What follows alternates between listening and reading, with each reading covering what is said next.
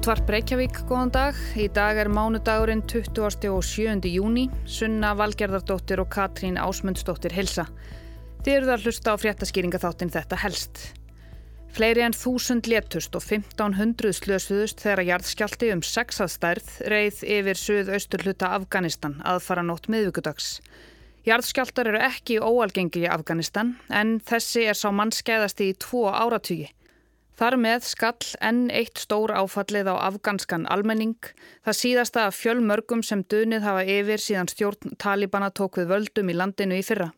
Katrín fer yfir stöðuna, skjáltan, afleiðingarnar og eftirmálinn.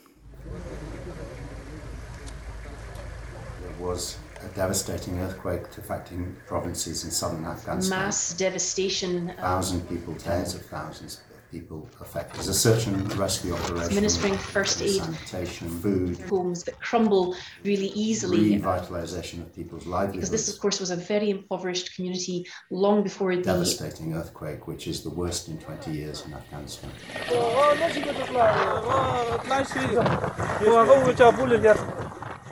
Rétt fyrir klukkan hálf þrjú að staðartíma aðfaranótt miðvíkudagsins 20. og annars júni þegar gerum áttir ráð fyrir að flestir íbúar í suðausturluta Afganistans svæfu værum svefni reyði yfir jarðskjálti um 6 að stærð.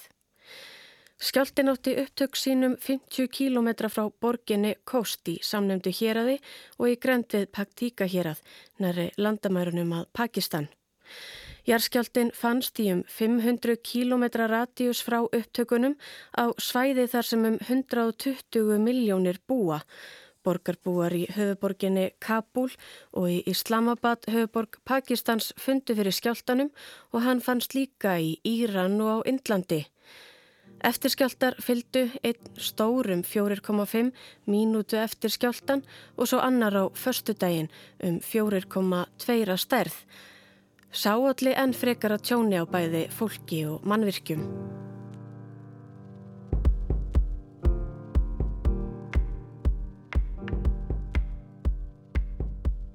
Skjáltin var grunnur á aðeins um 10 km dýpi, svo grunnir skjáltar eru taldir líklari til að valda skada en þeir sem verða á miklu dýpi. Í ofanálag áttan upptök sín í þjættbílu, fjöllóttu og ógreðfæru svæði þar sem skriður eru algengar og hættan á þeim mikil. Þar hafði reynd mikið síðustu vikur, þar er fátækt mikil, hús og mannvirkir gendilega gert til að standast miklar jarðhræringar og hristing. Byggingar aðferðir ofta ekki eins og bestverður á kosið, nýheldur byggingar efnin, viður og auður. Á vanþróuðu svæði þar sem ekki er alltaf auðvelt að komast leiðarsinnar eða sækja þjónustu, svo sem heilbreyðstjónustu, vegir ekki alltaf greiðir. Svæði sem liggur á fjölda misgengja og jarðskjáltar eru algengir. Í landi þar sem yfir 7000 hafa látist í jarðskjáltum síðasta áratugin um 560 á ári. Í landi þar sem ekki hefur einst mögulegt að byggja upp varnir gegn jarðskjáltum og öðrum náttúruhamförum vegna áratuga langra átaka. Landi sem hefur lendi einu áfalli á fætur öðru, landi þar sem talibanar tóku völdi fyrra, þar sem fátækt er mikil, mannréttindi ekki virt, matarskortur hrjáir almenning og hungursneiður sögð á næsta leiti. Í landi þar sem spáð er að 97% þjóðarinnar verði undir fátæktamörkum áður en áriðir yfir staðið, 40% missi vinnuna. Landi sem er stjórnað af samtökum sem njóta ekki samþykis alþjóðarsamfélagsins en meira um það hér rétt á eftir. Allt þetta, allar þessar breytur áttu þátti að gera vond ástand verra, auka á eigðilegginguna og mannfallið af völdum skjáltans. Gerað verkum að skjáltin varð sá mannskæðasti í rúma tvo áratugi í Afganistan þrátt fyrir að skjáltar séu þar ekki fátíðir. Minst 10.000 heimil eru rústir einar eftir skjáltan sem hafði áhrif á 100.000. Samkvæmt ríkisrekna fjölmiðlinum Bakhtar News Agency letust minst 1.150 skjáltanum og 1.600 slösuðust. Aðrir fjölmiðlar eins og Al Jazeera telja þó mannfallið meira, segja að minst 1500 hafi látist og 3000 slasast. En ekki er ljóst hvernig talibanastjórnin heldur utanum manntjónið en það er erfitt að komast til hún á sambandi við mörg af afskektu þorpunum sem urðu fyrir barðinu á skjáltanum.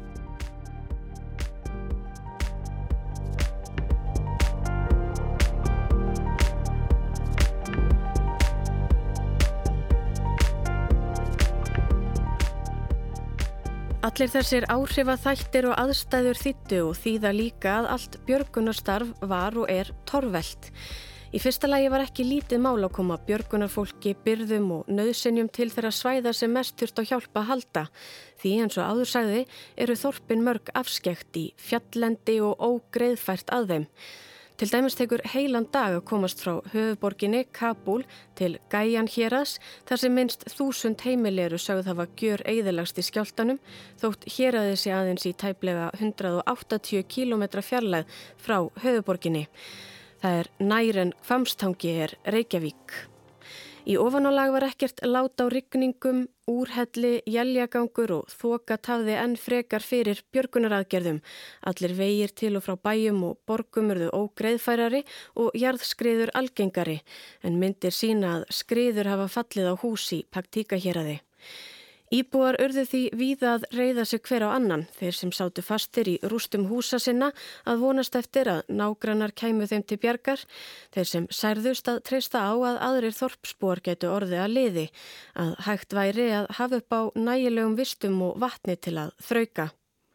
Eða eins og Satula Gursival 21 ás Þorsbúi í Paktíka hér að þið, sagði við AFP fréttaveituna, það er hverki skjóla að finna, engin teppi, tjöld, matur eða vistir, ekkert vatn, allt vatnsveitu kerfið eiðilaðist í skjáltanum. Þegar veður leiði voru björgunarsveitir svo ferjaðar með þyrlu til afskektari staða þar sem byggð er þó mikil og fymtudeginum var hjálp farin að berast. Aðstæður til björgunar og vettvangi voru þó ekki góðar enda rústirnar miklar og oft langt í spítala.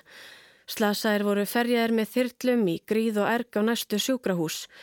Sjúkrahús sem mörg hver eru ekki í stakk búin til að taka móti miklum fjölda slasara. Til dæmis voru minst 75 ferjuð á sjúkrahúsið í Sarana, höfustad Paktíka hérads. Sjúkrahús þar sem aðeins eru 72 rúm sem fyrir skjáltan voru söm þegar upptekinn. Í ofanálag eru sjúkrahúsin ofta ekki færum að meðhandla þau meðsl sem helst hrjá þá sem slösust í skjáltanum, svo sem margvísleg beinbrot og tauga og mænuskaða. Sumir sem þegar hafðu ferðast marga klukkutíma til að leita sér hjálpar á einu sjúkrahúsi urðu því að halda áfram försinni til að leita viðegandi meðferðar á öðrum stað. Sam Mort talskona á vegum UNICEF saði strax á miðvíkudeginum að mörg sjúkrahús væru yfir full, sjúklingar væru á gólfinu. Það þyrti því ofta að leita lengra eftir aðstóð en allir innu saman að því að koma slösuðum undir læknishendur. They'll be taken to the regional hospitals, but already we're hearing that those hospitals are inundated. There's patients on the floor, uh, so they'll be taken uh, further afield. Um, the mobile health and nutrition teams will be setting up uh, more tents uh, for triage uh, to treat those um, who are injured as well. It's all hands on deck, and uh, anywhere that we can take the injured to be treated, we'll be doing that. Ástandið hefur ekki breyst mikið síðan á miðugudaginn. Margir fá litla eða enga hjálp, þorpsbúar grafa í gegnum rústir í vonum að finna einhvern á lífi, reyna á eigin spýtur að bjarga því sem bjargað verður í sinni heima byggð, byggja upp eins og hægt er, þrátt fyrir ráefna, tækja og vélaskort. Veita látnum ástvinum eins góða kveðjustund og kvílu stað og kostur er á, oft með handablinu einu. Þrauka þrátt fyrir skort á mat, vatni og öðrum nöðsynjum, hugað hreinleiti eins og völ er á. Saminuðu þjóðunar hafa varað við hættu á kóleru faraldri vegna bára aðstæðna og skortur á hreinu vatni og matvælum eigur hættuna á sjúkdómum og síkingum. Björgunar aðgerðum hefur að mestu verið hætt og í staðinu lögð áhersla á neyðar aðstóð við þá sem mistu heimilið sín, líða skort og hafa ekki aðgangað nöðsynjum.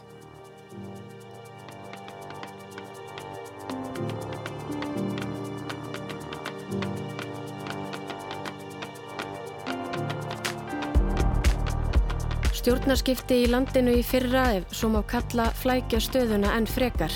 Frá því að talibanar tóku við völdum í landinu hefur lífsgæðum almennings hrakað mjög. Fátækt hrjáir stóran hlut á þjóðarinnar, það er matarskortur og hungursneið, mannréttindi eru virta vettugi og alþjóðasamskipti er í ólægi. Jarskjáltin er enn eitt áfallið fyrir almenning í landinu og enn einn áskorun talibana sem reyna að sækjast eftir viðurkenningu alþjóðasamfélagsins. Alþjóðasamfélagi sem hefur eftir valdatöku talibana dreyið fjárstyrki tilbaka, hætt neyðaráðstóð, hætt fjárveitingum og beitt ríkið refseaðgerðum, útilokaða frá alþjóðasamfélaginu, neytað að eiga í nokkur skonar samskiptum við talibanastjórnina Og það þýðir meðal annars að mikilvægur stopnanir eins og sjúkrahús og sjúkrastopnanir sem treystu að miklu leiti á erlendar fjárveitingar hafa verið í fjársveldi síðan í ágúst í fyrra. Þau hjálpar samtök sem enn eru í landinu og hættu ekki starfsemi eftir stjórnarskiptin reyna nú að hjálpa þeim sem mest þurfa aðstóða að halda í paktíka og kósthéröðum svo sem með mataraðstóð og nöðsynjavörum á borðið tjöld, dínur og sjúkravörur. Talibanastjórnin sem hefur óskað eftir aðstóð erlendra hjálparsamtaka á ríkja og heiti því að skipta sér ekki af eða standa í vegi fyrir neinskunar utanakomandi aðstóð Greint frá því að þegar hafi borist aðstóð meðal annars frá Íran, Pakistan, Indlandi, Katar og saminuðu arabísku fyrstadæmunum. En greint hefur verið frá því að heilu bílfarmadnir af nöðsynjavörum hafi borist frá Pakistan, Katar og Íran. Þá hafi Evrópuríkin lofað stuðningi og Joe Biden bandaríkjafósiti gefið slíkt til sama í skinn. Meðal þeirra Evrópuríkja sem heiti hafa aðstóð eru Þískaland og Noregur sem þó taka skýrt fram að þau muni aðeins vinna í gegnum stopnarnir saminuðu þjóðana og ekki að neinu leiti með óviðurkjöndum stjórnvöldum Talibana. Uh, these are people who lived hand to mouth. They're people who are unemployed. They're people who've lost their, their farmland. Um, you know, the backdrop here in Afghanistan is that we're suffering the worst drought for 37 years. There's a malnutrition crisis. There's the spread of um, preventable diseases such as acute watery diarrhea and measles. So these communities um, are, are weakened by months and years of, of challenges. And so this has come at exactly the wrong time. Jarskjáltin gæti ekki hafa komið á verri tíma, segir Sam Mort. Aðstæður eru hræðirlegar, hafa versnað mjög á skömmum tíma og gera enn. En það er hjálp á vettvangi og það er hjálp að berast. Vonandi vinnur það á þessari miklu eigðileggingu og áfalli allra þeirra sem lendu í þessu miklu hörmungum. En líkt og hjálparsamtök hafa tekið fram er vonin svo að hjálpin haldi áfram að berast brúi ekki bara bilið á milli verstu neyðarinnar og neyðarinnar heldur til að þeir sem mistu allt sitt nái að koma undir sig fótunum á ný.